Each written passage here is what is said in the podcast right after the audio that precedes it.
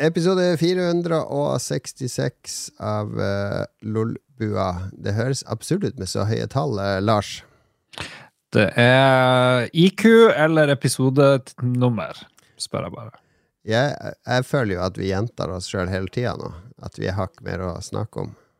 Vi har masse å snakke om. Eller kanskje vi ikke har det. Kanskje vi trenger en gjest. Kanskje vi gjør det.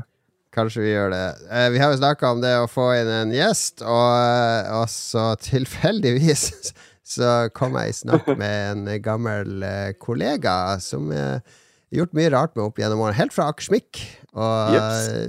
via Tilt. Og han har jo også, har også jobba for oss, Lars. Ja, vi Og jeg føler vi har jobba for han.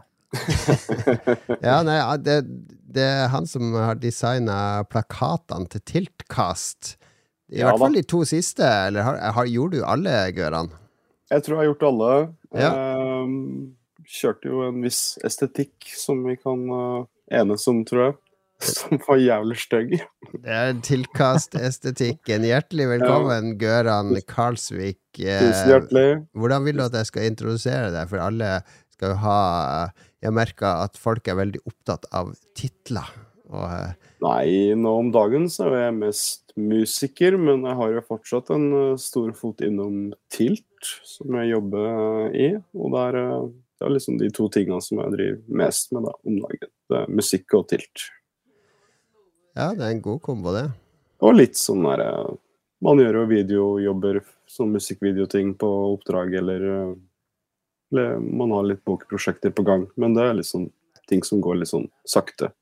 Vil du si at du er en av de eh, litt sånn moderne, kreative som har vokst opp med internett, og som kan deble litt i kreativitet innen ganske mye ulike ting? Ja, eh, det lærte meg vel egentlig ganske tidlig. Jeg var jo litt sånn eh, multimedial frilanser eh, i, i mange, mange herrens år. Så, så jeg har jo liksom alltid dabla litt i det derre Spille litt på flere hester. Man må jo ha flere, flere oppdrag for å få lønna Mm. til å gå opp, ikke sant. Så da, da blei det litt sånn. Da lærte man seg grafisk design, og man lærte seg video, videoredigering, og man lærte seg ja, hvordan man eh, kunne levere forskjellige typer oppdrag, da. Og det gjør jeg jo fortsatt, til en viss grad. Ja. Er det musikken som er nærmest hjertet ditt? Ja, men det er også det som hører til musikken. Altså det å lage artworken og, og spille det inn, liksom. Og alt det visuelle rundt det. Hele pakka er liksom appellerende til meg, da. Uh, pluss at jeg bare liker jeg liker bandlivet. Jeg har spilt i band siden jeg var 13-14 år. Liksom. Bare det å sjaue syns jeg er moro, liksom. Så jeg er litt sånn enkel sjel på det. Vi hadde en egen episode om uh, ditt forfatterskap òg. Oi, ja, ja det Det må vi jo ikke glemme. Ja, Boka som het Har jeg Grim, glemt? Grim Justis. Grim Ja. Justis. Om Dødsstraff. dødsstraff? Dødsstraff. Dødsstraffens historie i, Norge, i rettsstaten Norge. Stemmer det. Mm. Så um, Der hadde vi noen greier her. Siste heks avretta i Eller mannlige, jeg vet ikke. Det var noe ute i Kvæfjord. Da ble noen drept ganske seint, ja, husker ja, de de kjørte ganske hardt der, altså. Kjørte hardt. Men jeg har et viktig spørsmål eh, før Mm. jeg glemmer det. Gøran. Hva du syns du om folk som kaller seg Gjøran, men skriver navnet ditt sånn som du gjør? Det har jeg ingen sterke meninger om. Uh, de får bare gjøre som de vil, de. Men er ikke det helt tenker? Da kan du jo bruke en J i stedet for en G. Det gir jo ingen mening. Ja, mitt navn uttales, uttales jo Gjøran, men det skrives med GØ. Men uh, det er ikke noe Sier du Gjøran? Ja, folk har gjort Du det hele tida. sier Gjøran. Jeg gjør okay, det. ja, da Jeg tror det er bare vi nordlendinger som sier Gøran, Lars. Ja, dere er sånn opphengt i sånn stavelseting. Ja, for vi, han heter jo ikke Juran i Fantomet. Han heter jo Guran. Han heter jo Guro. Ja, ja. Så det ble et enkelt hopp da til Gøran. Lille slaven til Fantomet, til uh, ensomhetsgrotten, eller hva faen det heter. Det er jo Ja, ja, ja. Hode, For en greie. Hodeskallegrotta bak en foss, og det var mye klisjé på klisjé der, altså. Ja da. Ikke en hund, det er en ulv. Jeg ble satt helt ut av den bokstavgreia. Vi må gå videre. Der mista du hele spørsmålsrekka di. Nei, siste henrettelsen er riktig. Det var i Kvæfjord i fjor. For Kvæ- Kvæfjord er jo fortsatt litt sånn Wickerman-område, er det ikke det? Hvis du ror ut i Ja, Kvæfjord. jeg vil, jeg vil tro at det er ganske uh, midtsommer eh, på en dårlig dag. Ja, blir det, full, det blir full stillhet i vertshuset når du kommer inn der, fremmedkaren. Bare kaste seg utafor nærmeste klippe. Helt Ja. klart. ASAP. Vi skal snakke mer om eh, musikk uh, seinere. Vi, eh, vi skal dra deg gjennom alle spaltene våre, Gøran. Eh, Ja, ja, ja. Vi pleier å begynne med hva vi har gjort siden sist, eller tenkt siden sist, som Lars omdøpte det til en periode, fordi da gjorde han så veldig lite. Det må jo ha hva vi har tenkt. Det er jo mye mer interessant enn hva du har gjort, stort sett, spør du meg. jeg, jeg har tenkt på en ting, jeg kan ta det med en gang. Ja, uh, og det er at den største invasjonen i privatlivet mitt nå, det som irriterer meg mest i hverdagen, det Mhm. er uh, Sånn som i dag, var jeg ute og løp, uh, som jeg gjør hver dag etter jobb. Skulle ha en løpetid før middag, og så akkurat starta løpet et kvarter, og så ringer telefonen. Og så er det noe 995 et eller annet. Det var ikke sånn ukjent nummer flagg i dekk ta, det var, det var et mobilnummer. Og så er jeg jo På jobb er jeg jo kontakt for pressehenvendelser og, og andre ting. Du er, du er leder, Lars, ikke sant? Du vet jo at man må jo ta telefonen. Må Altså, ta telefonen. må ta telefonen, Ja. så bare ja, Hei, det er fra Aftenposten. Og sier å, nei, hva skjer nå, da? Skal, har de, skal de lage en sak, eller vil de ha intervju? Eh, og da er det sånn der eh, Nå skal du høre, for nå tilbyr vi deg å få ett av våre magasiner gratis i ett år! Og da, Mm. da har jeg stoppa, jeg har avbrutt treningsturen, eh, fordi det er tydeligvis så viktig at denne personen må ha tak i meg umiddelbart. Stopp alt du holder på med! Umiddelbart må jeg f fortelle deg om dette tilbudet. Han kunne sendt SMS. Han kunne sendt mail. Det er jo jobben hans. Den er jo like viktig Jo, som det er jo ingenting mer invasive av å bli oppringt av en fremmed som har lyst til å han, han bare fulgte ordre, ikke sant? Ja, han Ja, gjør jo det, ordre. men det er jo Men du en ringer jo folk i øst og vest, gjør du ikke det? Nei, jeg ringer skal aldri folk. reagere sånn Jeg ringer aldri reagerer? folk på jobb. Altså, jeg jobba i spillbransjen ikke sant, med de unge folkene før. Hvis jeg ja. ringte til en av de eh, 26-åringene Fikk jo hjerteattakk, sikkert. Ja, det var jo. Det var nesten sykemelding.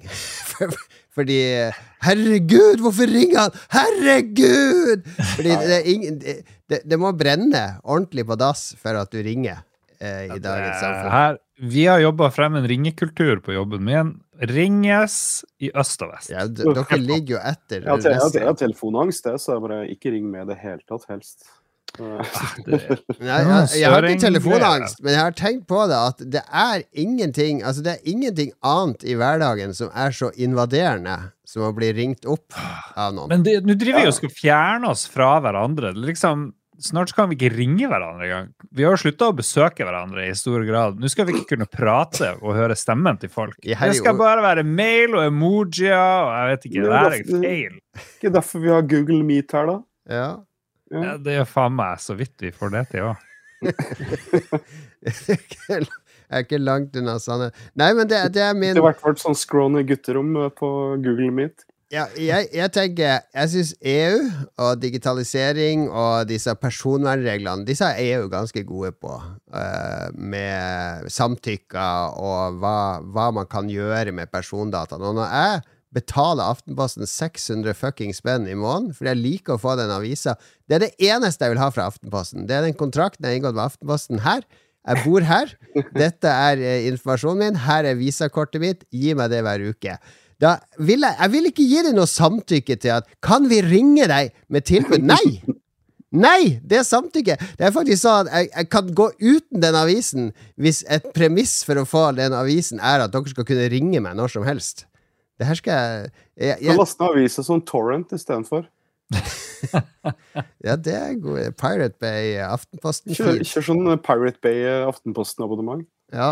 Nei, det blir det, det blir det, hvis ikke Aftenposten slutter å ringe. Og det var jo enda verre når jeg, hadde, når jeg drev Krillbite og sto oppført som daglig leder, for da ble jeg jo ringt opp i huet og ræva av såpeselgere og vaskeselskaper. Og, Jo, nei, f- det er, eh, jeg hadde et enkeltmannsforetak en stund. Jeg måtte bare avvikle det, for det, det var helt bare Ble jo ringt ned av dorks hele tida. Ja, ja. Jeg husker liksom dagen jeg registrerte, klokka ti samme dag, så Ja. begynte bare telefonen og bare chime inn, liksom, med folk som skulle selge med alt mulig rart. Gule sider, 1881, alle mulige ja. tjenester skal inn. Kartverket skal ha noe penger. Og det, det, det Kjøpte ikke- dere bedriftsstrøm noen gang? Nei. Det tenkte. Nei. Det hørtes Nei. ut som en god deal.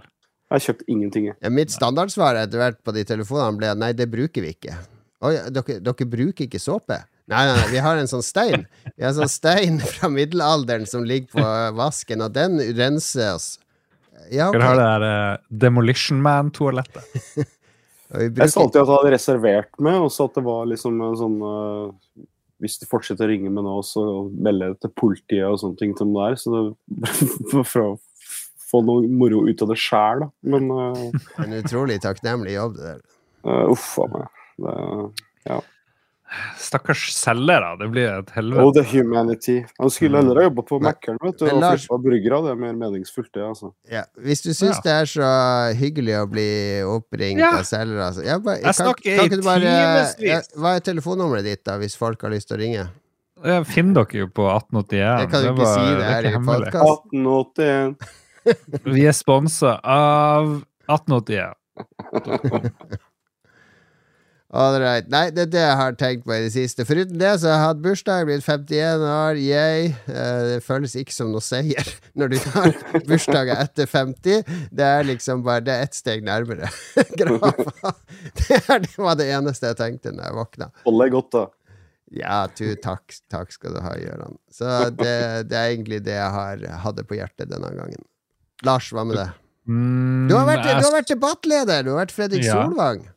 Jeg var Fredrik Solvang forrige torsdag, eh, og jeg skal gjøre det på nytt torsdag denne uka her. Gikk overraskende bra. Mm, Var et panel, todel panel først, fem og så fire stykk. eh, Og det, var, det, gikk, eh, det gikk ganske greit for seg. Sto og holdt hendene mine veldig rart store deler av debatten, som en Ja, ja. sånn eh, en pyramide. Som en sånn der uh, AI-bildegenerator som feil, De feiler Ja. alltid med hendene. Så Ja. det sto litt sånn. Og folk som er konspirasjonsteoretikere, vil tro at jeg er med i Illuminati pga. måten jeg holdt uh, hendene mine Men ellers så gikk det bra. Var litt for Av og til kjente nå kjeder jeg meg, det de sier i debatten. Her bør jeg skjære igjennom. Men så tenker jeg det, det, La nå folk prate litt, men jeg angrer. Nå blir jeg mye strengere. nå Du bør bruke litt sånn hersketing, altså, sånn gjespe sånn høyt. Hvis du Å, kjeder herregud! Kjør Ja. litt sånn bad cop-opplegg, da. Sånn at folk blir litt sånn derre Hva synes politikerne da? Behandler de dem med respekt? Vet du hva, det var veldig lite klager. Et par syns de fikk for dårlig taletid. Mm. Eh, men eh, noen, de fleste virka helt fornøyd, og alle stiller opp på nytt. Det er så eh, partiene, så det er jo et godt tegn. Så vi har streama fem-seks debatter, to av våre egne, og så vi er liksom Ja. The Debate Central. Mens konkurrentene klarer oss nå! Ja, så vi er veldig på høy på pæra. Ditt standardantrekk er jo hettegenser og kosebukse. Var det det du hadde på deg på debatten? Nei, det var jeans og T-skjorte og dressjakke. Ja, Så jeg kjørte den. ja for du kjørte ikke full knappeskjorte og dressjakke. Nei, nei, får se. Men nå skal vi være utendørs. Var det sånn Torg. nerde- nerde-T-skjorte, eller var det en helt Mm. blank en? Det var sånn helt blank. Ja. Jeg syns du skal våge på det. Star Mm. Wars-T-skjorte eller noe sånt. Jeg nesten. hadde Mortal Kombat-sokker. hvis det. Det teller jo, men du må vise de. Nei, det ble ikke det var ingen som ha de visste det. ute på buksa, da. Ja. Eh, ellers så har jeg spist en hel Grandis i dag, og det er helt forferdelig. Det gikk helt fint før, før i tida, men nå går det ikke. You don't do it. Jeg har vondt. det er Jeg har faktisk spist en Grandis sjøl i dag, fordi, fordi kona måtte være Ja, ja, kona måtte være barnevakt. Men jeg spiser jo bare et måltid om dagen, så det, det går greit. Men jeg kjenner at den prosesserte maten er mye vanskeligere å spise nå når jeg blir gammel. Jeg foretrekker gode råvarer nå. Ja. Grandis har vel du aldri spist, Gøran? Jo, nei, eh, mine barn liker jo en pizza i ny og ne, så da blir det den fire oster, da. Ja. Jeg gjør sånn Mm. unntak der. Det er den klassiske Grandisen. Det er som den gir tankene Glir over til de fire årstider av Vivaldi. De Fire oster på en Grandis, det må jo være Norvegia, Norvegia og Synnøve og Jarlsberg og eh, Ja, eh, i- i- i Norvegia dag- Mild. I dag så var jo begge to hjemme og var litt sånn sjuke, og da kjøpte jo noe pizzagreier til det mye, men Jeg, jeg kjøpte en falafel til meg sjøl, altså, for jeg orker Ja. ikke det pizza, Mm. pizzakjøret enda mer. Bare fordi de er i dårlig form. Det virker som barna dine er veldig mye syke. Har du hørt om Münchhausen by proxy? ja, nei, jeg, jeg går jo bare rundt og er sånn halvsjuk hele tida, så det, det eh, Vi får se. Vi får se. Hva med deg, Gøran? Har du noe å dele fra ditt liv nylig? Du, eh, det er vel kanskje noe fra musikkens verden her? Ja da, det er mye arbeid med eh, mitt liksom hovedband, da, Damokles. Altså Det er oppkalt etter han som hadde sverdet hengende over seg? Ja, det er en gammel gresk myte som jeg har likt siden jeg var kid, så det Ja. var liksom derfor jeg valgte den. Uh, nei, men kort forklart, så jeg var jo Damokles han var liksom hoffsnarren til Dionysus, og Dionysus var jo liksom kongen av party. Så han uh, Damokles var liksom sånn derre Følte liksom Fikk litt sånne korte strået hele tida, da, på en måte, i alle greier. Og, og var liksom misunnelig, han hadde lyst til å feste og ha det fett. og Så han var misunnelig på Dionysus, da, og ville herske litt. da. Og så som en sånn practical joke så tok uh, Dionysus og snudde hoffet opp ned, og liksom ga han uh, Demokles da plass i trona. Så sa han til henne da kan du få sitte der og herske. uh, på én betingelse. Du skal få, ha et hestehår eh, med et sverd hengende over huet ditt til enhver tid. Og det kan droppe når du vil, men uh, du må sitte der og ta en bunch med avgjørelser og, og liksom ja, prøve å leve livet, da. Mm. Så det er liksom, Men det er jo bare sånn symbolikk for, eller metafor for eh, overhengende fare. Så det er liksom kul, kul metafor, syns jeg. Mm. Det kan smelle når som helst, på en måte. Eh, det som er symbolikken i navnet, da, på en måte. Ja, ja, ja. Er det, er det noe tem tema i musikken òg, da? Ja, det vil jeg jo påstå. Det er veldig apokalyptiske greier det går i. Eh, Handler det om forholdet Kina-Taiwan, eksempel? Nei, nei. Det er på en måte litt sånn knytta til egne opplevelser og levd liv, men også veldig knytta opp mot litteratur og, og filosofi, og, og der den greske mytologien f.eks. kommer inn. Altså det er mye, mye greier man kan blande inn, inn i det her, da, på en måte. Eh, så nye skiva, den Swing Pendulum Swing, er på en måte en temaplate om liv og død, hvordan det er liksom ubønnhørlig knytta sammen, at pendelen svinger frem og tilbake, og du veit aldri når turen er, er der, på en måte. Og låtene er litt i det leiet, da. Så det er litt en apokalyptisk undergrunn i alt det jeg gjør, og det har det vel alltid vært, tror jeg, men det er bare sånn tematikk jeg lener meg fort mot, da. Uh, trenger ikke å være personlig hele tida, liksom. Det er mer eh, hvordan hvordan jeg ser på verden, eller hvordan jeg analyserer ting av og til. da. Sånn Jon Cato-spørsmål. Og Blir du litt skuffa hvis du ikke opplever apokalypsen før du dør? Jeg tror Hvorfor er det Jon Cato-spørsmål. Unnskyld meg, altså. Det er det jeg følte som det var da du kunne spurt om. Nei, jeg veit ikke. Altså, det hadde jo vært fint å slippe det, for å si det sånn. Mm. Eh, jeg vil jo helst ikke oppleve apokalypsen, men jeg tror det, tror det er en sakte apokalypse med, med noe av det vi allerede ser. ikke sant? Med krig i Mm. Europa og miljøforandringer og store schisms i hvordan vi prater med hverandre i dagliglivet, kan du si. Altså, jeg, har ikke så veldig, ikke så veldig gode håp for uh, fremtida, akkurat, for å si det sånn. Men det er jo heller ikke noe jeg går og grubler jævlig mye på.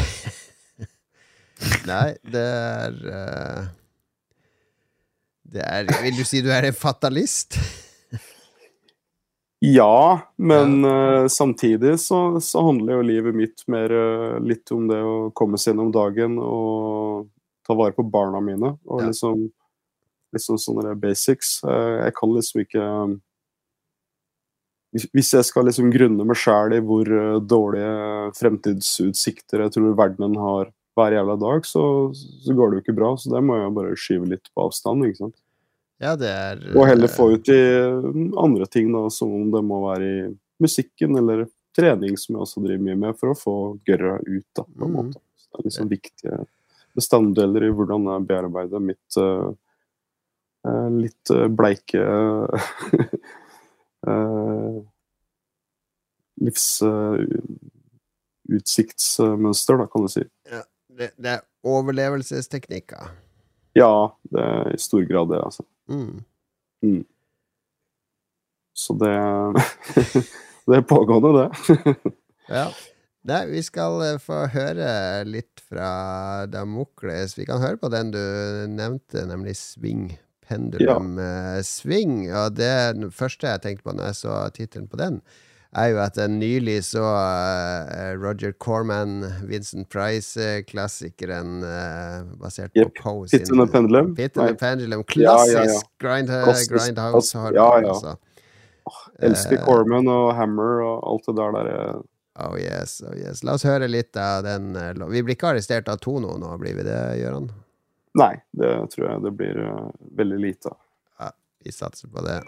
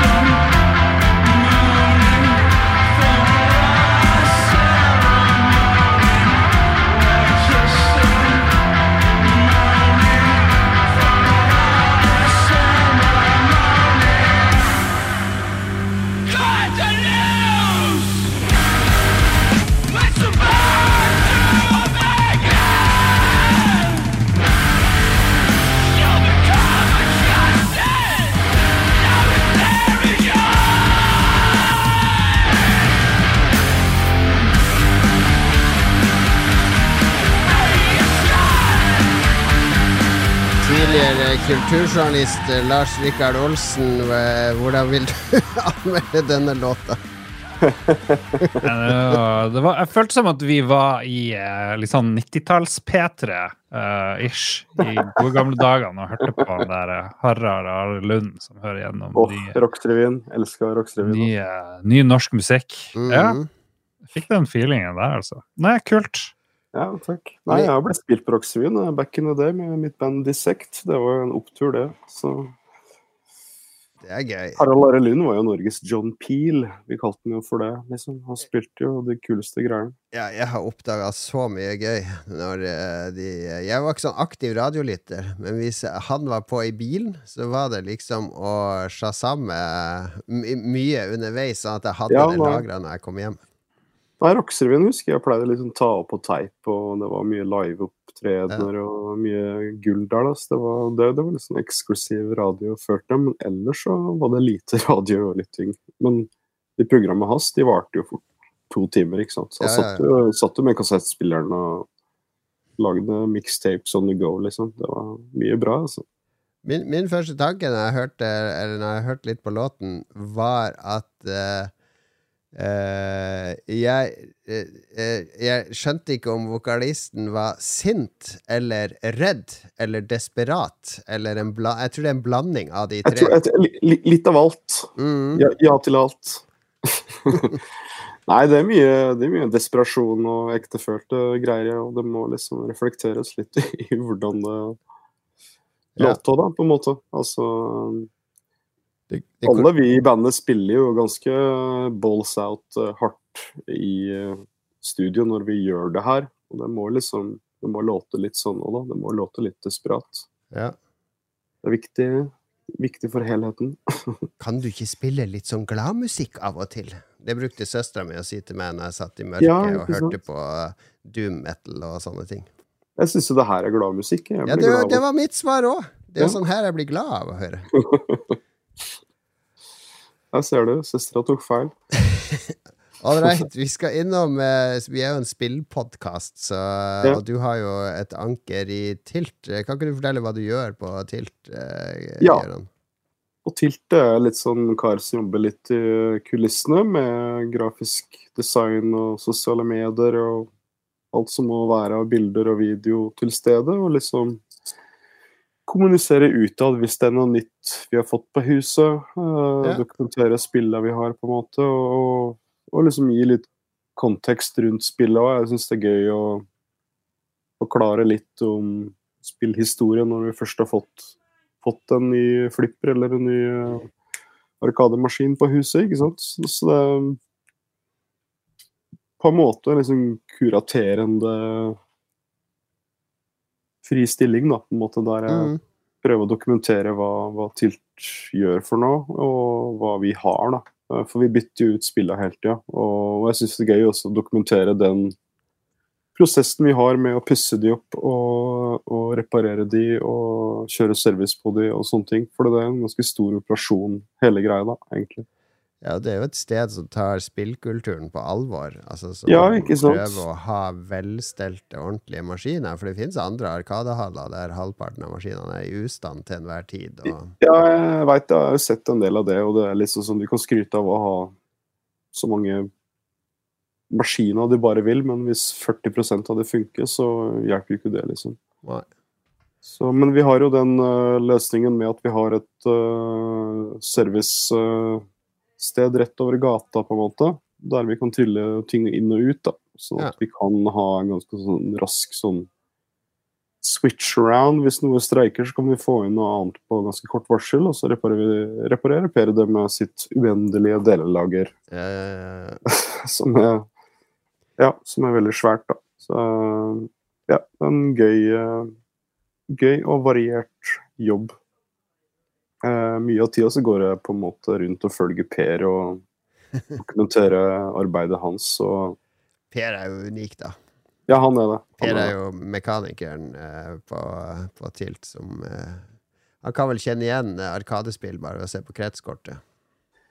Ja, han har vel omtrent en fotografisk hukommelse på det her. Han har jo vært eh, arkade- og pinball-tekniker sånn cirka siden 1980 eller 81. Så han kan liksom uh, alt. Så han har vært, uh, vært igjennom hele den uh, arkadeboomen og også nedgangen. Mm. Så, så han er liksom et sånt unikum i norsk uh, øyemed, da, kan du si. Gøy. Vi må også snakke om hva vi har spilt i det siste. Og Lars, du har prøvd, du har prøvd det på noe Espe hadde spilt forrige gang. Ja. Du var jo du var ikke kjempefornøyd med Armored Core 6. Brukte en halvtime på første bossen og sånt. eh, og det skjønner jeg jo, for det var, det var vanskelig. Ja. Eh, det er en sånn svær robot som bare peprer deg, og så dør du. Så jeg måtte jo google, og det føles ut som et nederlag. Men eh, tipset var bare fly rett inn til han, slå så mye du kan med sverdet. Ja. Og det, det funka jo for så vidt, det. Det jeg liker, det er jo at det er litt sånn Ace Combat-aktig, som jeg kanskje trodde. ja. Eh, litt sånn Hva legger du i at det er Ace Combat-aktig? litt sånn, litt sånn eh, papirtynn verden. Uh, ganske lite å gjøre i verden. Ganske enkelt. Du har noen få mål, og resten betyr ingenting. Og så kan du loade opp litt utstyr, og så bare ferdig å prøve å gjøre et mission, og så prøver du det helt til du klarer det. Og det samme skjer hele tida. Um, så må du bare finne rett metode. Og det er oversiktlig og fint. Men det som er ille, det er jo at du har uh, Hver kroppsdel kan byttes ut, og hver kroppsdel har masse stats og sånt, og det blir litt for mye greier, da. Men jeg har nå bare bedt tennene sammen og på fjerdebossen, eller jeg vet ikke hva jeg er. Så det, Det, det går nå fremover. Det som er fordelen nå når det har vært litt ute, er jo at eh, eh, taktikker og bilds til alle levelene er jo tilgjengelig på nettet, hvis man ikke Ja, gidder det- å sitte og ja. eksperimentere. Nei, hvis jeg sliter veldig med en boss, så skal jeg jo sjekke det, men jeg gidder jo ikke liksom å google hvert brett. Det- Nei. Nei, men jeg syns det er artig. Jeg liker, jeg liker den der verden hvor det bare er liksom litt 3D, og så her og der er det en fiende, og så må du bare drepe dem. Ja. Så har det ikke noe å si om du Jeg tror du sa det, det er ikke noe vits å utforske de her brettene, egentlig. Virker det som. Det er bare å pløye på. Ja, det er ikke noe å oppdage på de brettene, sånn som jeg har skjønt. Det er jo bare å, å suse mot, uh, mot målet og drepe alt på sin vei. Ja, stort sett. Det er noen sånne eh, spesielle fiender. Skal det visst være noe sånn cashes her og der, men jeg har ikke funnet noe særlig. Uansett, koselig spill. Syns det er gøy. Eh, Ja. Veldig overfladisk. Eh, kaldt, mekanisk. Enorme fiender. Jeg vet ikke. Det er kanskje noe sånn despotisk, eh, dem- Damokles-aktig over det hele. Som litt Ja, nei, jeg har hørt om serien, jeg har bare ikke testa de sjæl, rett og slett. Har du, noe for, du er jo eh, ganske kunnskapsrik på eh, tegneserier. Ja. Har du Mm. noe forhold til Mek Mekka-anime? Ja da. eh, som barn så bodde jeg jo en eh, periode i Sør-Korea, og, da- og da var det jo mye MEC-orientert eh, gaming og tegneserieinput der, da. Eh, og tegnefilm, ikke minst. Mm. Så jeg fikk inn en del der. Og så var det jo en periode i Kobe i Japan som barn også, så da ble det enda mer. Spiser Så- man veldig mye Kobe-kjøtt i Kobe? I, i, i det, Jeg, jeg spiser bare nudler jeg, hele tida. Jeg spiser Mm. bare sånne, sånne søppelnudler uh, hele tida.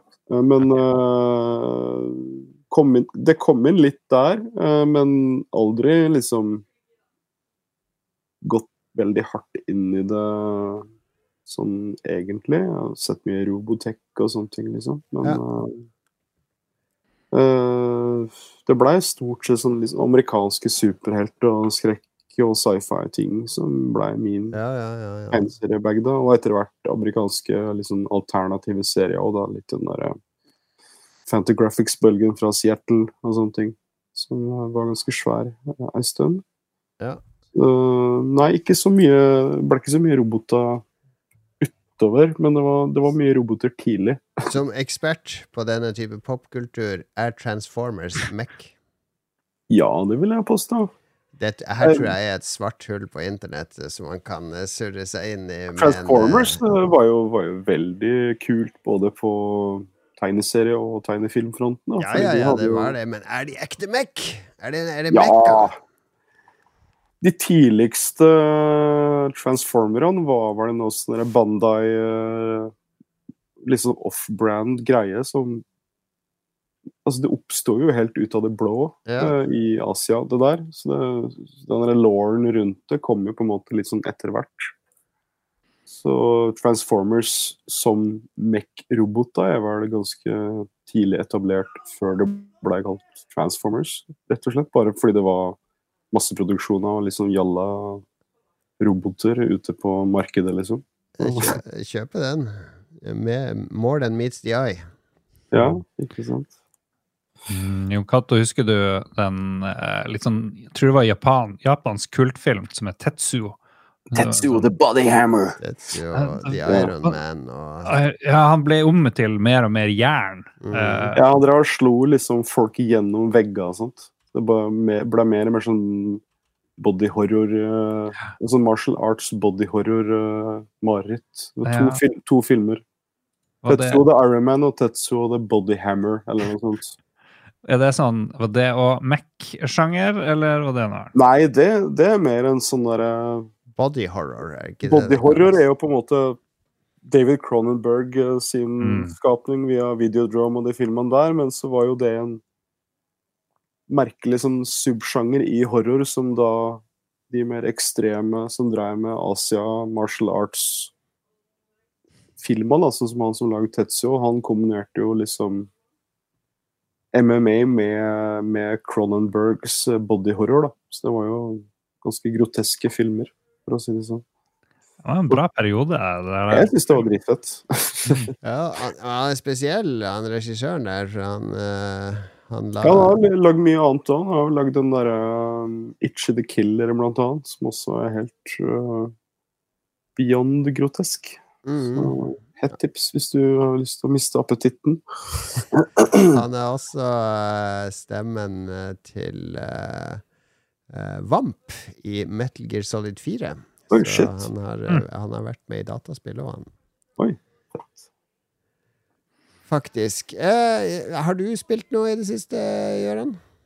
Ja, altså Jeg har spilt uh, veldig mye Far Cry 6 uh, i en lang periode nå.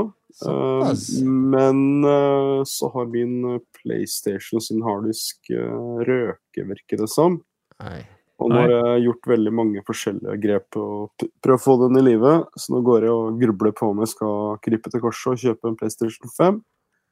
Ja. Eh, men i mellomtida så har jeg da drevet med Jeg har blitt veldig, siden jeg liksom tilt, tiltete en retro-gamer også, så syns jeg det er gøy med mange av de rebuild uh, liksom billige maskinene som er på markedet. Mm. Altså de mini Nintendo ja, ja, ja.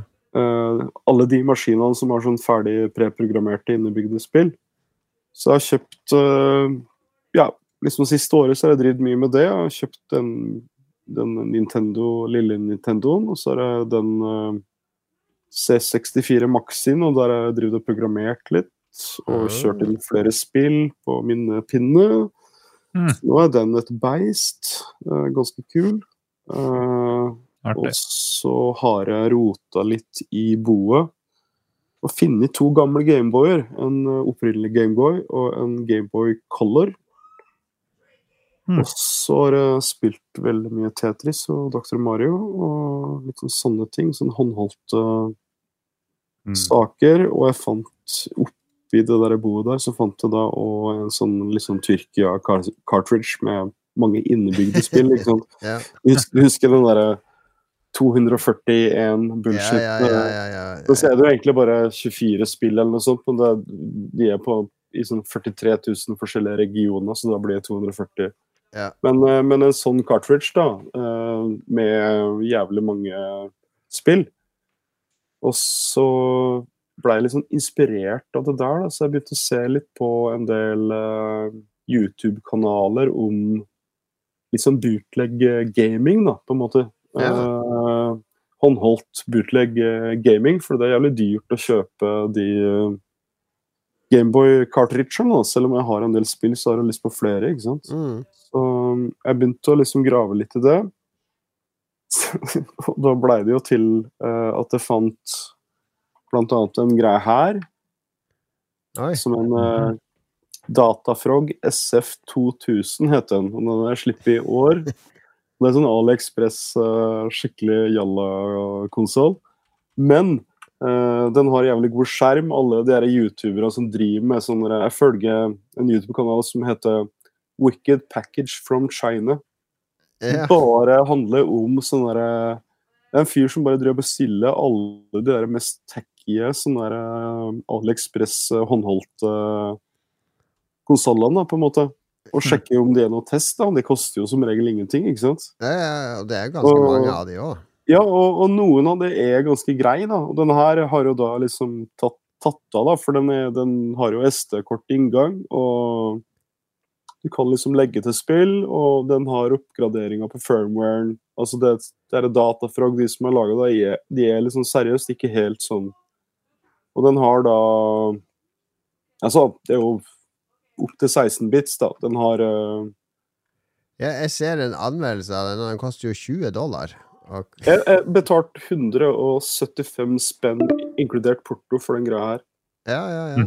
Eh, og, og liksom Og Den den har, eh, ma, den, den, den har, ma, den har ma, MAME-emulering, eh, og den har uh, opprinnelig Nintendo, Super Nintendo, Megadrive, alle Gameboy-systemer opp til og med Advance. Og det er, opp, og det er 6000 innebygde spill, da. Og det er jo helt galskap, ikke sant? Og i tillegg, da, så kjøpte jeg en sånn der, For jeg driver så mye med de Gameboy-maskina, så kjøpte jeg en sånn AliExpress Gameboy Den heter Gameboy Pro pluss cartridge. Den kosta en 50-lapp eller noe, den fikk jeg i dag. ja. Og, og den eh, Den er jo nøyaktig samme grad. Det, det er en Gameboy cartridge, men det er sånn lite SD-kort inni den. Og der er det liksom sånn komplett Gameboy-arkiv, da.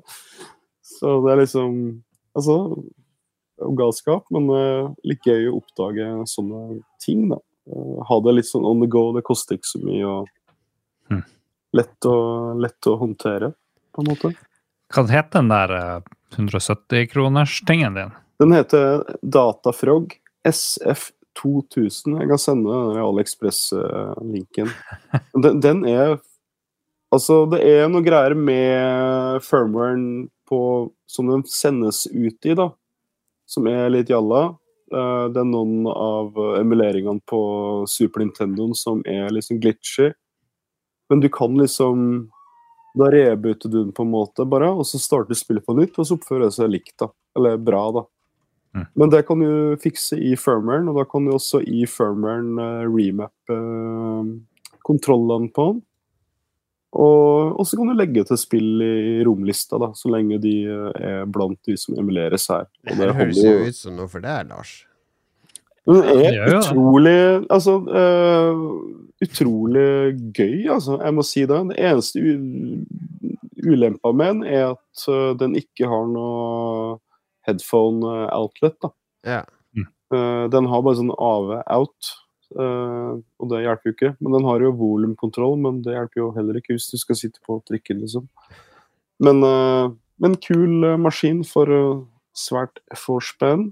Og så anbefaler jeg den teite Gameboy-cartridge for de som har Gameboy. Ja. Nå har du herved blitt vår offisielle uh, gaming bootleg-ekspert. Uh, Ja. Fett. Nei, men, eh, men det, det, er litt, det er litt artig, det miljøet der. For det er sånn der, eh, Det er mye som foregår. Og, og mange av de maskinene her er jo ganske sånn uendelig modifiserbare. da. Så man kan få mye moro ut av det. Men akkurat den maskinen her har liksom veldig god skjerm, og den har ikke noe screen tear, som er et stort problem hos mange av de, ikke sant? ja, ja. Og alle spillene som er bygd inn, det er ikke sånn derre Ofte så er det sånn 500 spill i én jalla-greie, og så er det sånn 300 sånne derre Identisk. Ja, det var et sånn shovelware-tullespill, ikke sant? Men den her har, har eh, Altså, hvert arkiv, altså det Megadrive-arkivet, er helt perf perfekt. Komplett, liksom.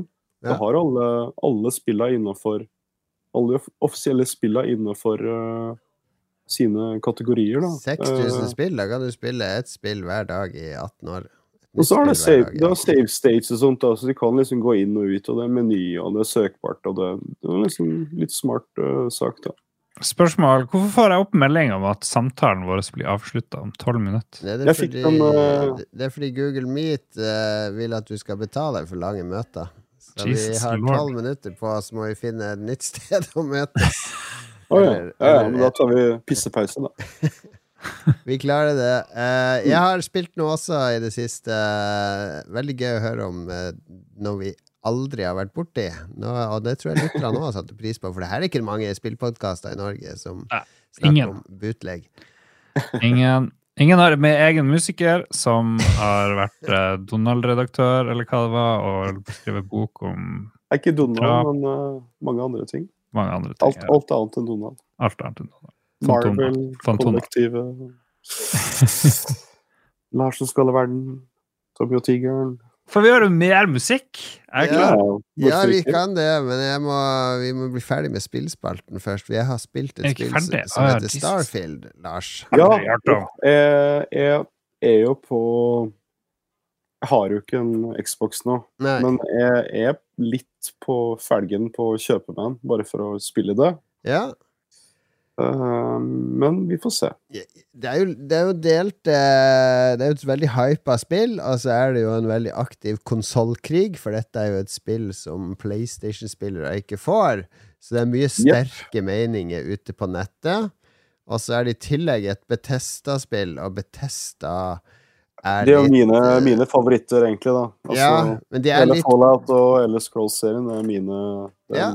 Det er min crack, liksom. Det er mange som liker de, altså, men så er det også mange som eh, Altså, de har jo rykte på seg for å på en måte slippe litt uferdige spill og eh, Ja, kanskje være litt teknisk utdatert. launchen gått greit på den her, eller? Har den Faktisk har den gått ganske greit, og, og har, det, men det har vært litt blanda anmeldelser. Det er liksom syv av ti. Alle vet jo i anmelderverden at hvis du har en skala fra én til ti, så er jo én til seks er jo søppel.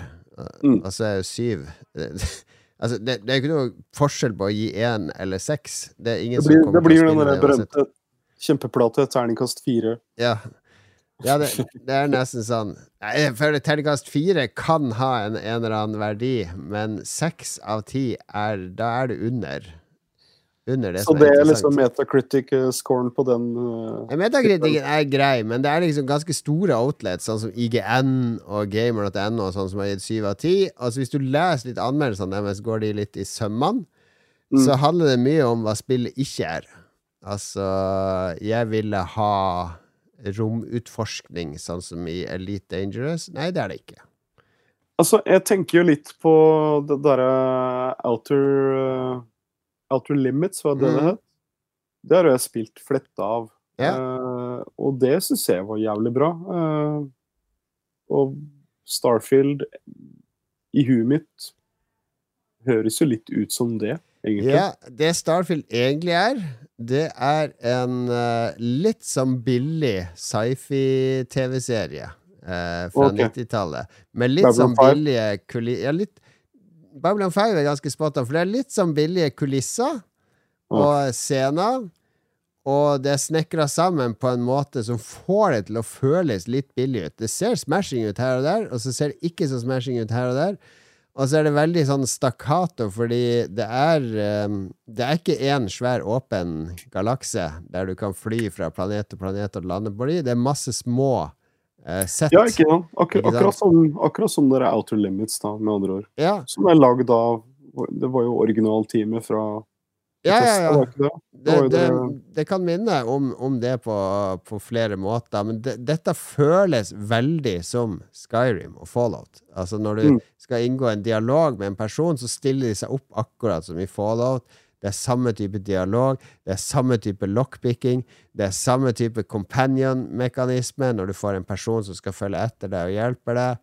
Eh, Jo, nei, altså, altså hvis man er fan av den Altså, jeg er jo fan av den formelen her, så jeg, Ja, jeg, jeg kjøper jo den, men, men jeg skjønner at jeg kanskje ikke kanskje hadde, for, hadde forventa litt mer ja, og det er der noe, folk er skuffa. Det er der folk er skuffa, tror jeg, for de hadde forventa seg Basically så kunne dette spillet, hvis de hadde skalert tilbake grafikken De kan lage nye spillmekanikker, liksom, som skal sette standarden for tida fremover. Ja, eksempel. det gjør de ikke.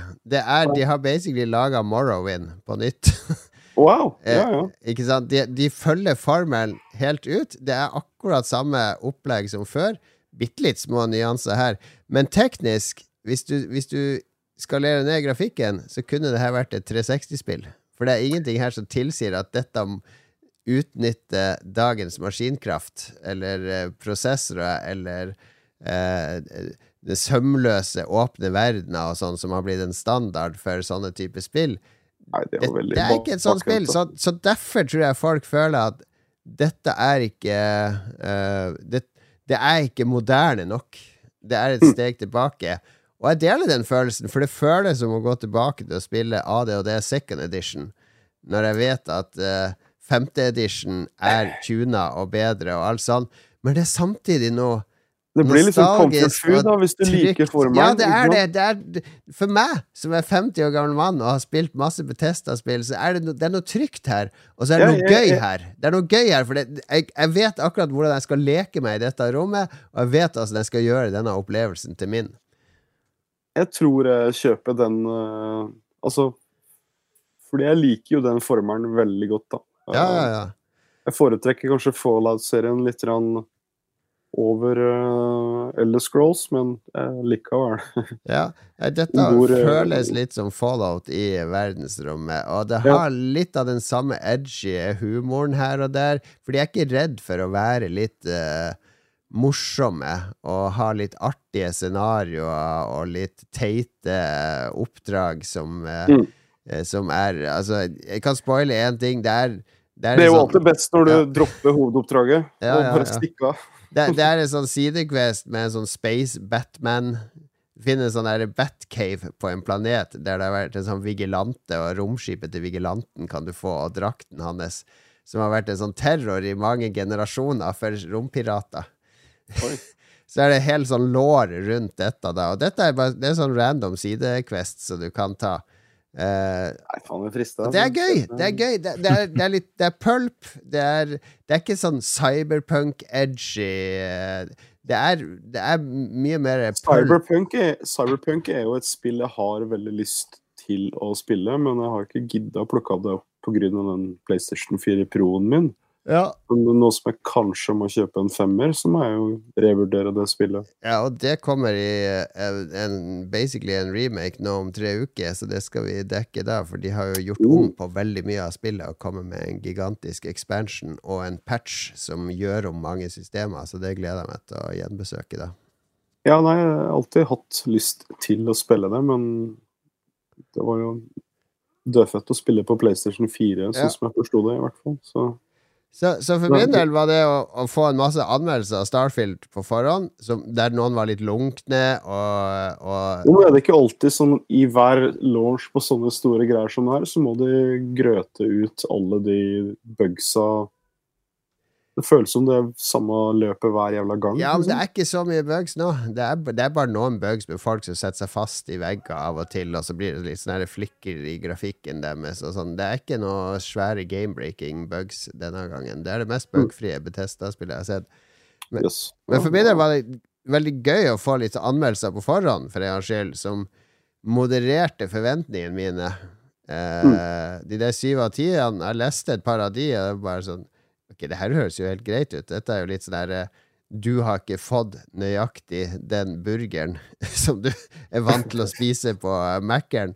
Eller du hadde forventa en gourmetopplevelse, og så har du fått noe Ja, sånn digg fastfood i stedet. Det er det, det, er det du kritiserer. Eh, så så, så jeg, det gjorde jo at jeg likte spillet enda mer. Jeg prata med vår felles venn Martin Bergesen i går òg, Ja. når vi hadde quiz. Og han hadde akkurat samme opplevelse som meg. Det er comfort food. Det, det Ja. er bare så deilig å boltre seg i det universet og bli kjent jeg tror faen, altså. Hvor mye koster en sånn Xbox nå, da? Hvilken med versjon må jeg kjøpe, liksom? Nei, S-en er jo den billigste, men det, den er litt shabby sånn grafisk, så det er jo X-en du vil ha. Da må du vel opp i en fire. Mm. Nå ender Ja. vår call i to minutter, så jeg skal ta og spille neste låt vi har fra Damokles her. 'Downpour for Lifetimes' Heter den. Så jeg setter på den, og så avslutter vi det møtet her. Altså, Lars, kan du prøve å opprette en ny meet? Jeg oppretter nytt Og så møte. sender du link til oss. La opptaket gå. Ja. Let the recording commence. Ingen yes, klipping. yes, yes. Ingen klipping.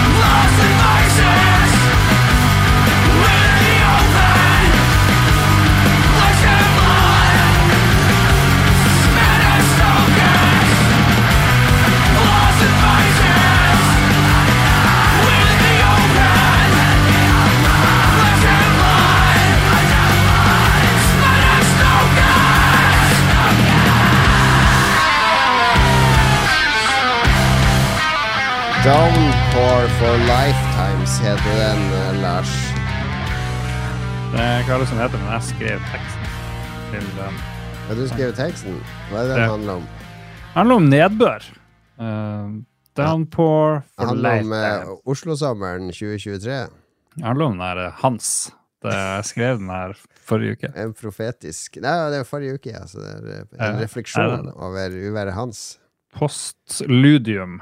Du som bor i Nord-Norge og bare hadde godt vær, tror du at det var et uh, uvær her? Eh, ja, jeg tror jo at det var der, men jeg tror jo ikke at det er menneskeskapt, eh, som folk tror. Det er jo skapt av eh, vær og vind. Det er Gud som straffer oss søringene. Ikke Gud, det er jo bare det Men skal, hva skal vi gjøre, lille Norge? Vi er, det er ikke vits at vi gjør noe, det har ikke noe å si. Nå har du hørt det- for mye på Frp i den debatten du leder. Jeg prøvde å channele litt eh, sånne ting. Det, det er jo en komfortabel ting. Jeg har ikke ansvar, vi er altfor små. Dette kan vi ikke gjøre noe med. Ja, vi kan, vi kan kanskje ikke gjøre noe med det. Nei. Nei. Gøran. Gøran, du er tilbake. Vi har akkurat hørt Vi har diskutert Downpour for Lifetimes og spekulert i om den handla om uh, den våte Oslo-sommeren eller uværet hans.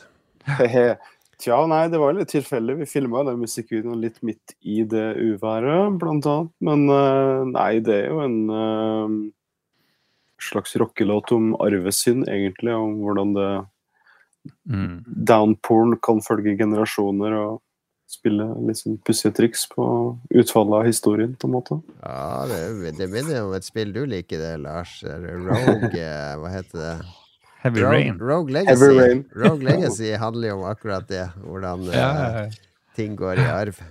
det er det gjør Hver gang Nei, du dør, eh, så er ja. du arvingen. Må du ta over som barnet ditt, som må fortsette questen. Mm.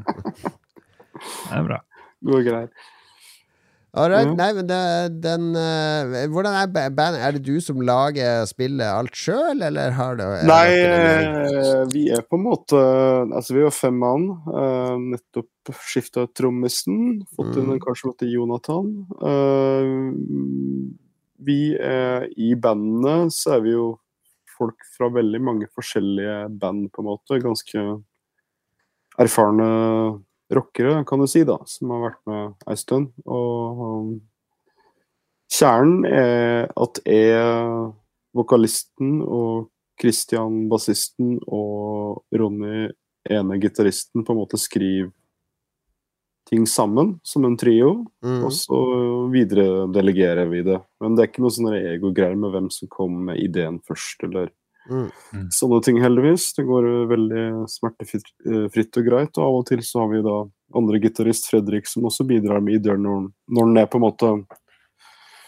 parat for det. Men han, han er en sånn god støttespiller, på en måte. Ja. Og så ja, Vi jobber sånn ubønnhørlig, egentlig. Vi spiller inn uh, noe hver uke, egentlig. Eh, så det, går- det går fort. Det blir fort en låt per kveld når vi samles, liksom. Altså, dere er jo voksne menn. Hva er ambisjonene når man holder på med rockeband i 40-årene?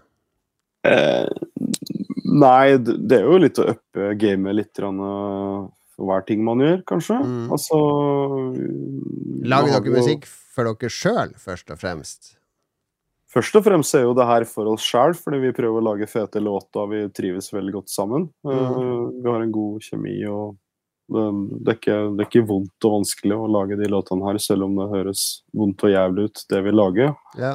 Eh, men eh, ambisjonsnivået er jo på en måte å fortsette å gi ut skiver av en viss kvalitet, og det gjør vi jo. Vi har jo andre plater på vei, men også prøve å komme oss litt ut av Norge. Vi er jo litt sånn, vi har runda Norge ganske mange ganger, mange av oss. Yeah. Og så Tyskland eksempel er jo en greie som vi driver og jobber mot.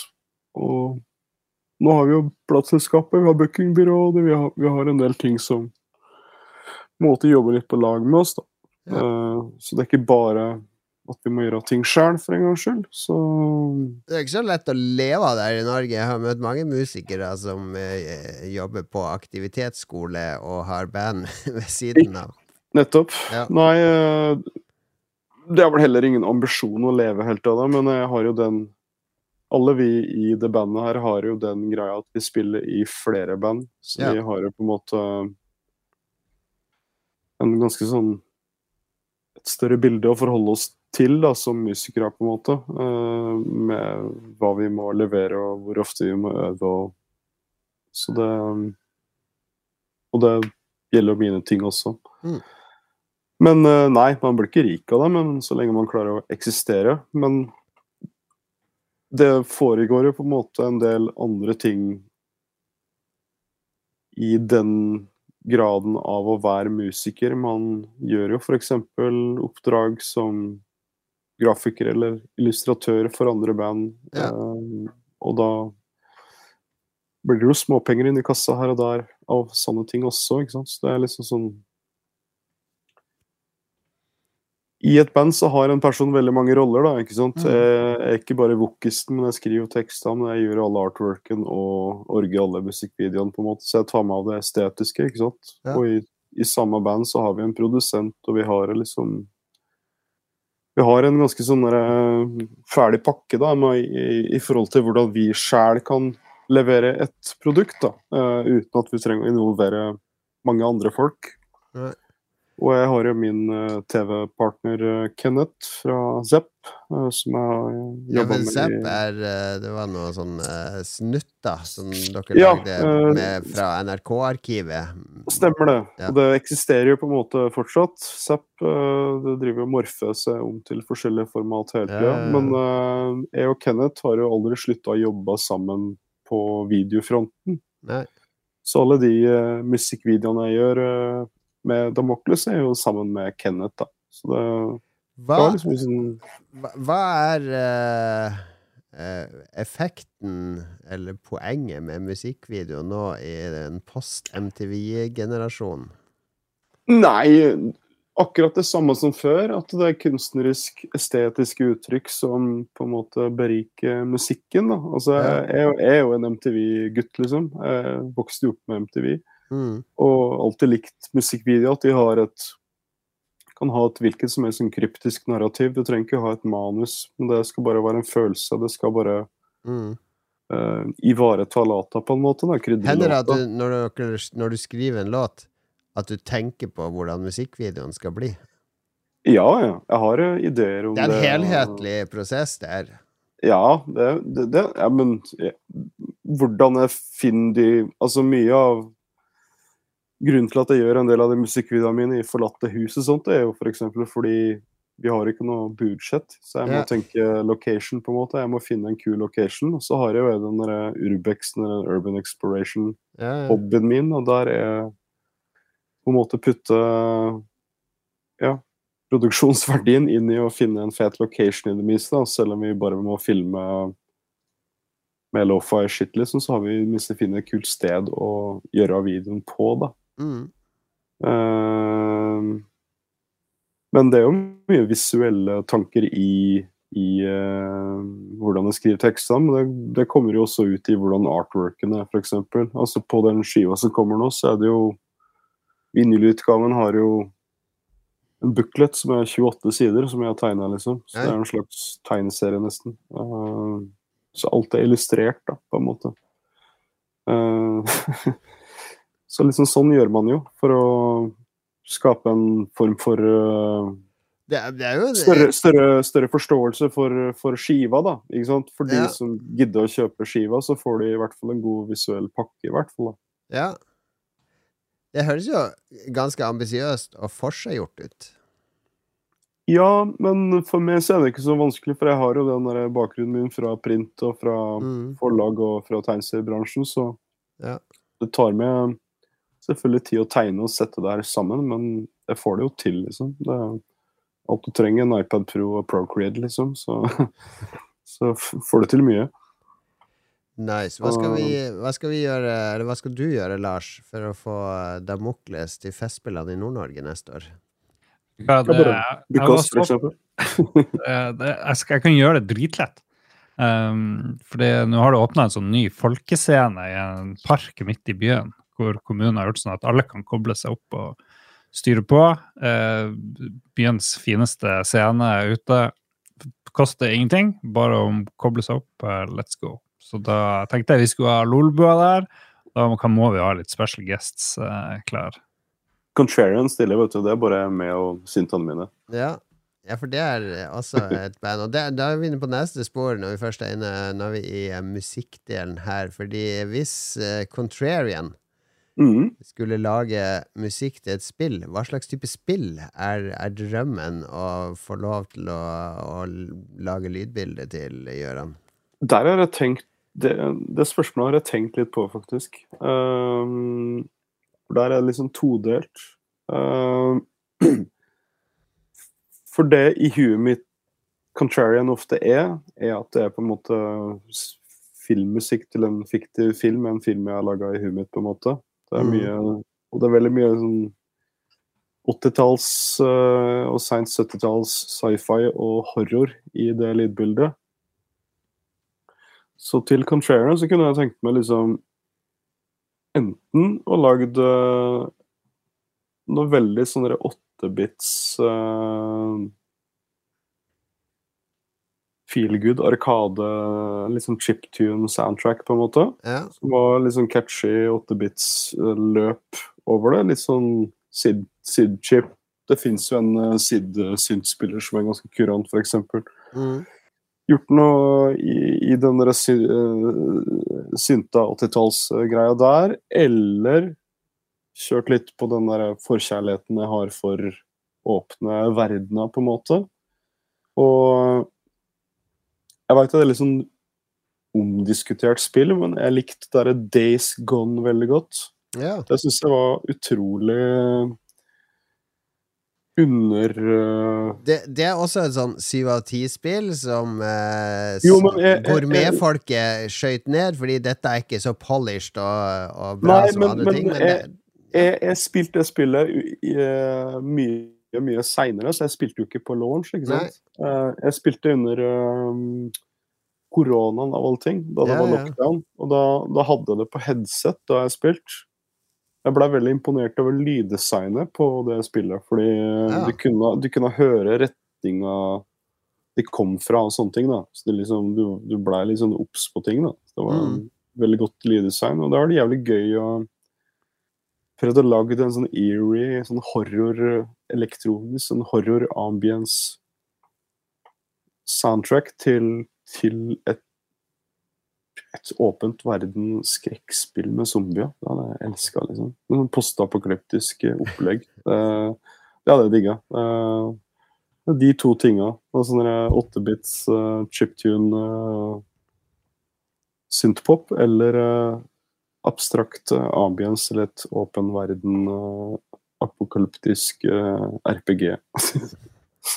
Husker du for 350 episoder siden, Lars? Nei, det er snart 400 episoder siden. Så lagde jo vi musikk, jeg og du. Ja. Vi hadde jo sånn ukentlig duell. Hvem lagde best musikk med ulike uh, greier. Det var, det var en artig spalte. Lurer på om vi har de låtene fortsatt. Det var Jostein Hakstad var dommer. Ja, ja. Det var veldig gøy. Ja. Nei, vi er jo dabla i tracker og sånne ting, selvfølgelig, som alle gamle Amiga-folk Ja, ja. har. Eh, det var mange som begynte der. Jeg prøver jo å finne en omvei via den C64 Maxen min eh, til eh, musikkprogrammering, og den er litt kinkig, faktisk. Ja, det tror jeg på. Men eh, det, det er jo mulig, men mye av problemet er jo rett og slett eh, outleten på det her, rett og slett. Altså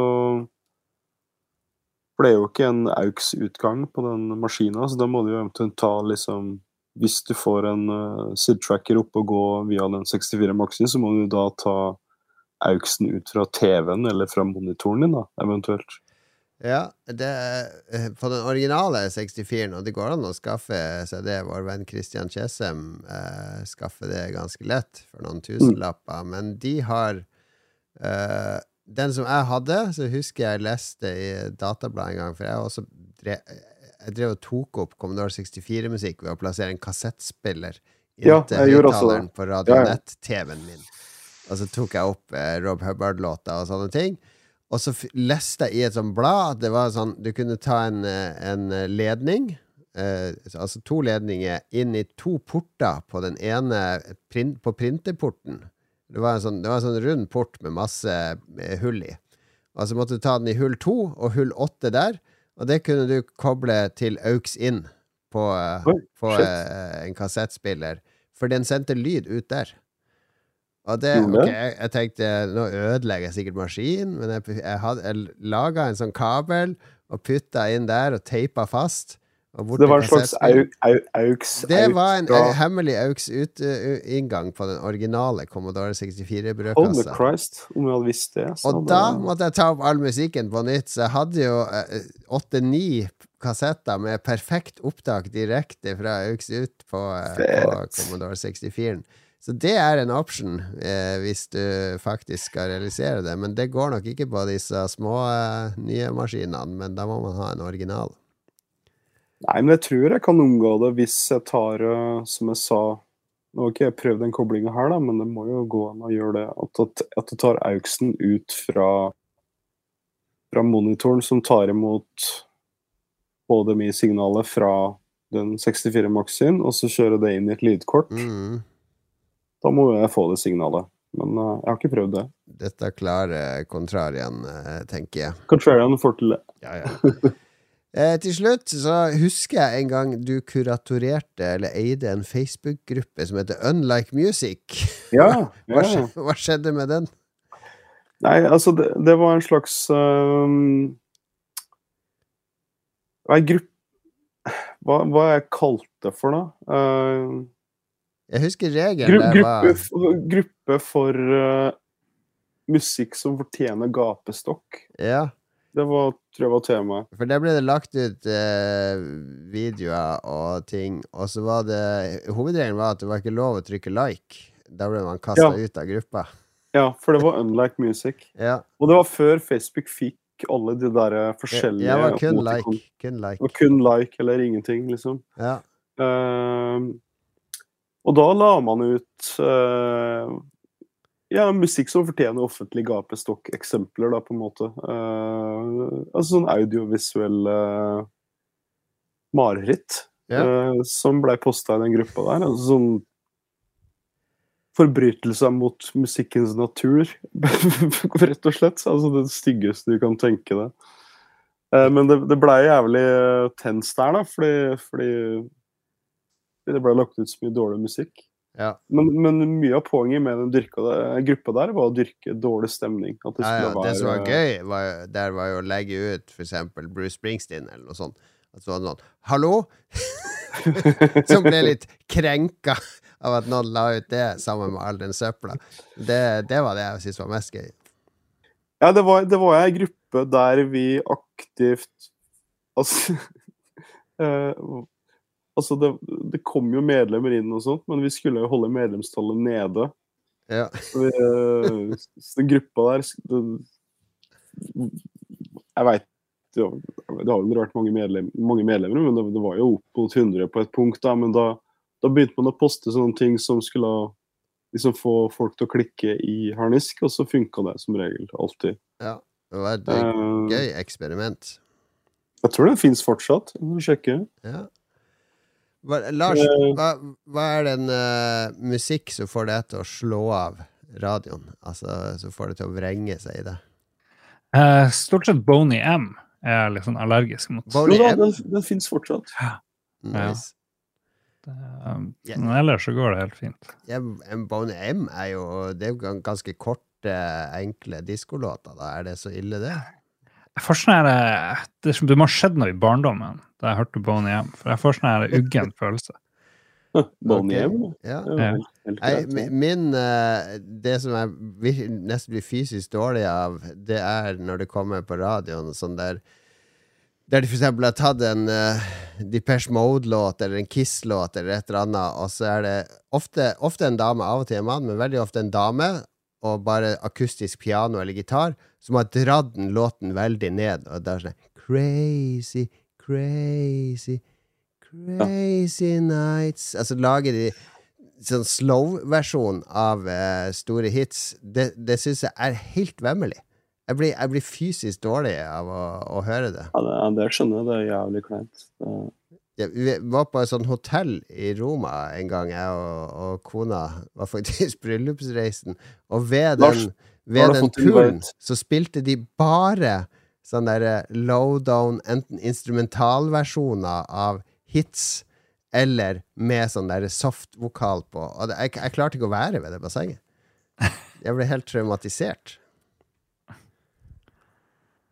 Der, eh, nå er jeg inne i, eh, i eh, Unlike Music-forumet, og jeg kan jo bare meddele f.eks. overskrifta som det her. Noen som vil ha tyskere med sekkepipe. Eller uh, Vi fortsetter med litt R&B. Må vel ha litt emo også. Ja, det er mye, mye stygt der, altså. Ja, jeg var jeg, slags, og her, her har vi en slags jævlig tysk goth-versjon av We Are The World. Vi klinker til med litt bolegrapp også. Fra Alsvak på grensen, til og med. jeg tror vi må purge Jeg var ikke klar over at dette eksisterte før nå. Jeg tror vi må purge det der, dette her med uh, siste låt fra Damokles i denne omgang. 'Something's Amiss at The Hive'. Ja da. Uh, ut fra den tittelen, Lars, hva forventer du kommer nå? Um, det handler om uh, maur. Det er liksom soundtrack til noe sånt her. David Attenborough. David Attenborough-soundtrack. La oss høre om det stemmer.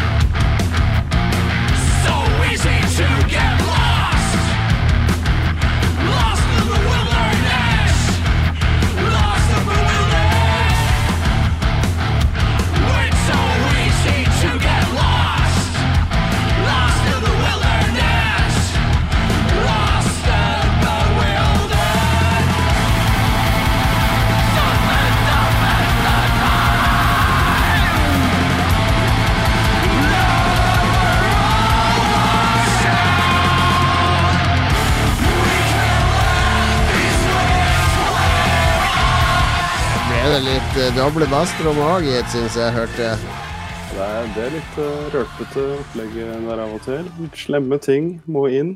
Ja, den den der. Men det var første fem sekundene. Ti sekundene blir du sikkert sur, fordi musikere elsker å bli sånn eh, sammenligna med Ja, det hørtes ut som det. Og det hørtes ut som det. Men de første fe- fem sekundene så tenker jeg oi, det er Foo Fighters. Og så tenker jeg Ja. ok, det er Foo Fighters som heter Janes Addiction. Og så begynte det å bli noe helt annet. Nei, altså vi er jo eh, barna av både 80- og 90-tallet, vi, så eh, mye av det der uh, alternative rocken også går jo inn i det, vil jeg jo påstå. Det er Mm. ikke bare Det er ikke bare Altså, hva skal jeg si? Altså, det er jo Min, min bakgrunn i det er på en måte mye 80-tallspop og synthpop og postpunk, selvfølgelig, men også mye hardcore punk fra 80- og 90-tallet, og mye alternativ rock fra samme to tiår. Og da Janes Addiction og sånne ting, det har jeg hørt mye på det. Ja. Mm. Så det, det, blir bare en slags gryte til slutt, liksom. Man, uh, Meg og Lars på. har jo vært på Janes Addiction-konsert på øh, Sony Etter Sony-showet på Etere et år, så kom Janes Addiction ut og Oh, shit. Mm. Da var du mest opptatt av de burleskdanserne. Jeg var jo en ung mann. Jeg skjønner ikke hvorfor du ikke var opptatt Du var en kåt, mann. eh, Du var ikke så ung. Sunn, middels gammel mann. vill, vakker og våt. Men Janes Addiction var jo kult. Det, Ja, ja, var ja. Det Det var var, awesome. det var bra, bra booking av Sony, det. Kult band, det. Vi, Classic. Vi er i siste spalte. Jeg tror vi tar anbefalinger, og så avslutter vi fordi vi skal anbefale noe. Det gjør vi Ja. hver uh, lolbue. Altså, jeg kan begynne med min, for den er kanskje Av og til så blir det sånn nødanbefalinger. Det vet, vet vi alt om, Lars, når man anbefaler tannlegen sin, eller sånne ting. Suppe. Super. Eh, Jeg skal anbefale Det kanskje har med alderen å gjøre. Vi snakka litt om Grandiosa tidligere. Prosessert mat. Eh, det, det, det er ikke Jeg kunne jo ete bare drit for 20 år siden. Jeg klarer ikke det lenger. Og samtidig så har smaksløkene mine eh, Jeg liker ikke så mye søtt lenger. Jeg liker litt andre smaker og teksturer. Og noe jeg har fått virkelig sansen for i år, det er spinat. Som jeg egentlig aldri har hatt Spinat har jo aldri, aldri vært gærent. Nei, spinat er altså så Se på skipperen, da. Se på skipperen, da. Ja, når jeg så skipper når jeg var liten, så tenkte jeg oi, det så kvalmt ut. Det der skal jeg ikke spise ut av en boks. Sånn eh, gugge. Grønn gugge. Æsj. Deilig grønt slim. Men eh, stekt spinat, for eksempel, eh, sammen med, med noe potetmos og saus og hva som helst annet. Megagodt! Megagodt. Uh, spinat uh, på jobb, hvis det er sånn vegetarrett i kantina, så er det ofte med spinat. Da går jeg for den, nesten uansett Unnskyld. Megagodt. Spinat, ja. Megagodt. Og min favorittpizza i Oslo. Nå er det mye bra pizzasteder i Oslo. Uh, men min favorittpizza er på Fatland Pizza. Det er Skipperen, heter den. Ja, som er ost og spinat. Sinnssykt god pizza. Jeg må jo slå et slag for Vaterland. Jeg har spilt der mange ganger. Og god pizza, gode folk. Jeg tror det er vannproblemene dere hadde i Oslo. Det, drikkevannet har blitt polluta av sånne her, eh, spinatgreier. Så folk Spinat er godt. helt. Spinat er men Det er min anbefaling. Spis mer spinat. Men apropos eh, beste pizzaen i byen. eh, Vi, har jo Hell's Kitchen nå, da. Ja, den var jo De bytta jo eiere, men pizzaen har jo bestått. Men det er mye bra. Det er Girotondo, altså veldig god, Mm. nede på Jungstorget. Og så har de jo Mamma Pizza, som mange tenker Og den ja. i kvadraturen, den er ikke Men den, den er faktisk eh, meget eh, habil, den òg. Så man vasser egentlig god pizza i Oslo. Ja, det er kanskje litt for mye god pizza. Det skulle vært litt mer uh, fo, kanskje. Da- Mm. Nå bytter jeg i protest min anbefaling. her. Ok, gjør det. Har, Ja. har du med en anbefaling, Gøran? Eh, jeg har eh, lest en del tegneserier i det siste. Ja? Eh, en jeg driver og leser nå, som er veldig bra. Som heter The Nice House on the Lake. Oi. eh, som er gitt ut på det som kalles for DC sin Black Label. Som er på en måte det som har tatt over for Vertigo da, hos DC, som er liksom voksen. Vertigo var der Sandman og Hellblazer Vertigo var Sandman, Preacher, og- Hellblazer, Ja. alle de På Swamp og 90-tallet. Ja. Ja.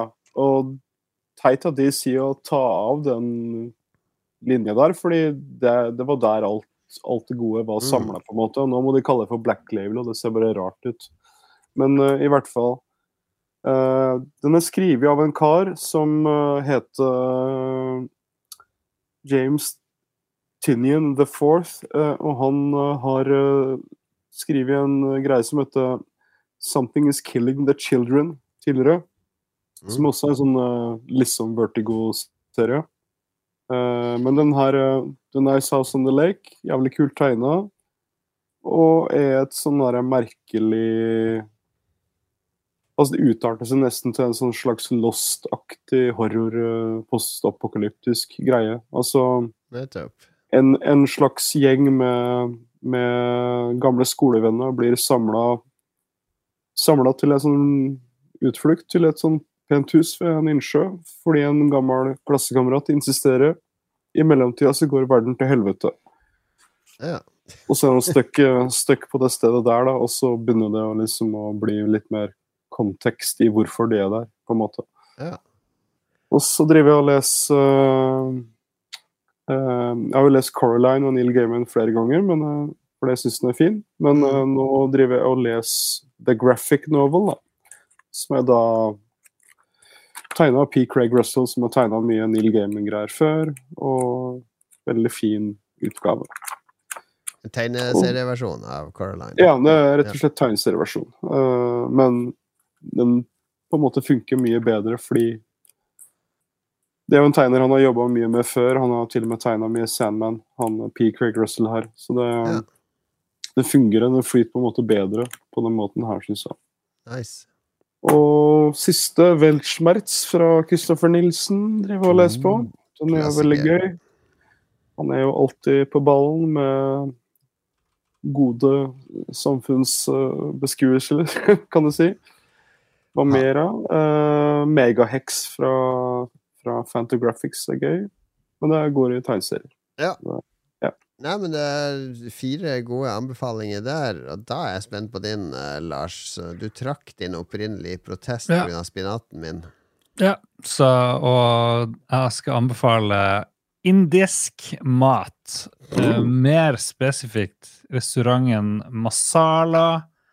Hva heter det for noe? Masala. Indisk restaurant og bar i Harstad i, på Rikard Korbøs plass nummer én. Første indiske restauranten i Harstad noensinne, som jeg vet om, i hvert fall. Eh, Det er visstnok ekte indisk eh, DNA involvert. Jeg Har ikke fått lov å ta blodprøve av noen, så men vi satser på at det stemmer. Det virker helt OK. Um, De har noen sinnssyke åpningstider, ser jeg på, på hjemmesida deres. Det er åpent Mm. mandag til torsdag fra 03.00 til 10.00. jeg tror de mener 15, Ja, det kan Ja. Ja, ok.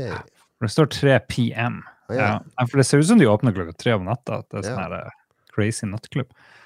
Ja, det, det, det er litt interessant, for de er nettopp åpna, men jeg tror det går så bra at de har liksom ikke fått gjort så mye mer enn å bare åpne, og så bare jobbe, og så stenge, og så jobbe. Fordi i selve baren der du går og betaler og bestiller, så er det ingenting, egentlig. Det er liksom noen tomme glass. altså Det er ikke noe kunst eller noe Det står en sånn skrutrekker stål stående der, liksom.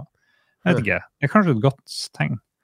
Så ja. Nei, siden det kom sånne her fem pizzaplasser i Oslo, så tenkte jeg jeg må jo slå et slag for indisk eh, i Harstad. Indisk er bra, det har vi anbe- har jeg anbefalt her før. Altså, Masala jeg, spiser, jeg Politics. spiser vel egentlig heller indisk enn pizza. Ja.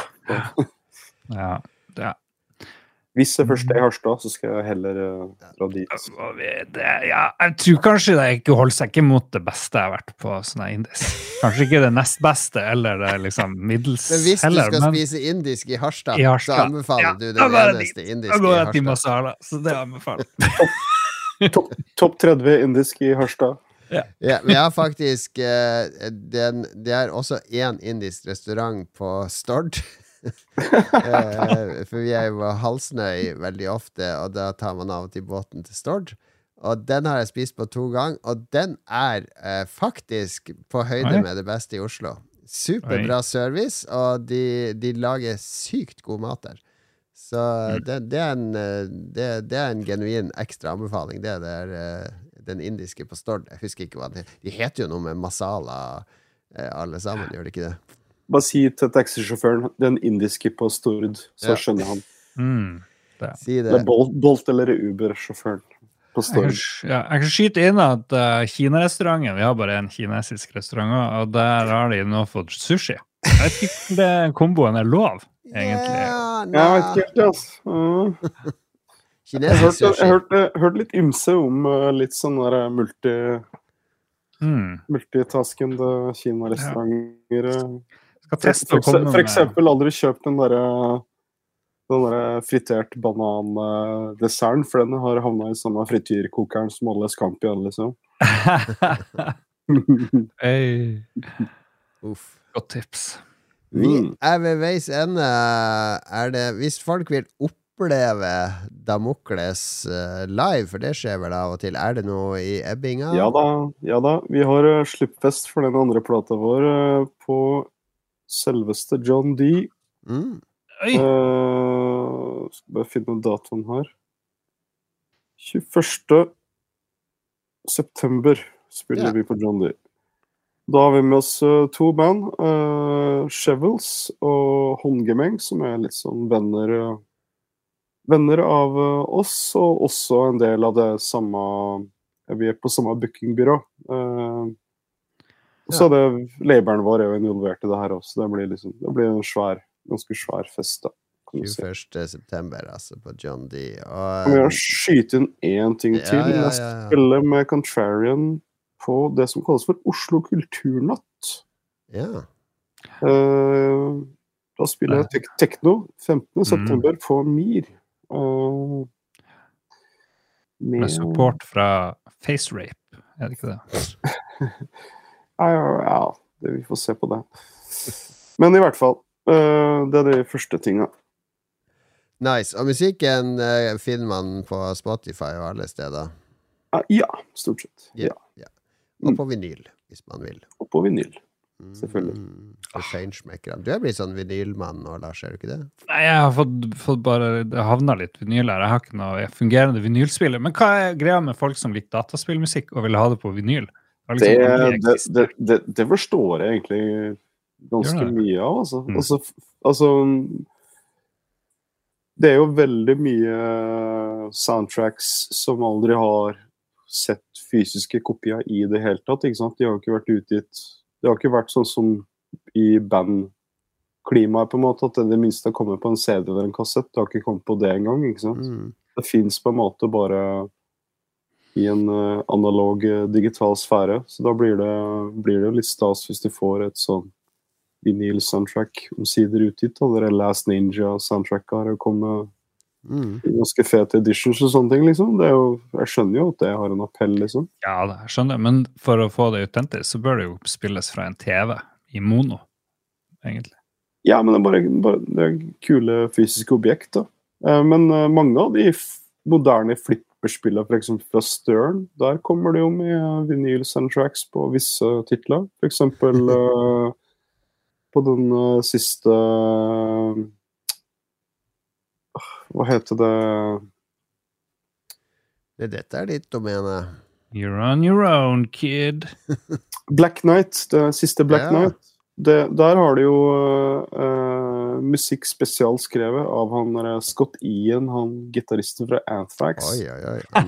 Og Not. inn, og inn, ja, ja. Notman, ja. Og inni, inni plate... Eller inni eh, i arkade... Eller flipperkabinettet så ligger den skiva, liksom. På den deluxe-utgaven. Og samme med Deadpool. Der ligger det, der ligger det soundtrack inni på vinyl, liksom. Sånne ting som det. Det er jævlig kult. Det er det. All right, vi må takke produsentene våre, Lars. Ja. Um, vi må takke de som Gjøran, tror jeg.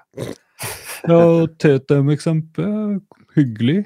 Kom og hør på konsert. Uh, John D? Gjøran, du har nå hørt på Gjøran i to timer. Han, han er, har ikke øst-dialekt. det var vibben jeg fikk. Jeg syns det var koselig vibb. Ja, så bra. Hyggelig. Jeg, jeg, du, jeg kan ikke takke de som gjør han. Duke Jarlsberg, eh, du var på quizen i går. Du gjorde det bra. Det ble litt lite krangling, for Duke Jarlsberg bruker, han, han vet altfor mye om spill, så han skal alltid opp og arrestere oss hvis det er den minste faktafeil. Så du må krangle mer neste gang, Duke Jarlsberg. Uff da. Ja. Uh, Gjøran, du kan takke uh, Christer Lysaker. Takk, eh, Kristel Lysaker, uh, for eh, all støtten gjennom åra. Helt enig. Og til slutt, Lars. Takk, Byslo. Takk, Byslo. Uh, det blir tekno. Tekno senere. To uker, kanskje. Det blir det. Nei, men sjekk ut Damokles og Kontrer igjen. Og um, vi hører jo mer fra deg i fremtida. Og, eh, Gjør det, du, har du har gjestepass hit når du vil. Kommer Retro det- og kom- kommer tilbake. Ja. Ja. Og neste vi tilkast ta Vi kan Altså, godt ta det nærmere retro hackecast en dag. Altså. Det var. Mm. mm, Det var veldig okay. gøy å høre om de der uh, uh, bootleg-maskinene. Det var spennende. Spennende. Spennende greie. All right. Takk for denne gangen. Vi høres igjen om en uke. Ha det bra. Snakes on a plane. Ha det.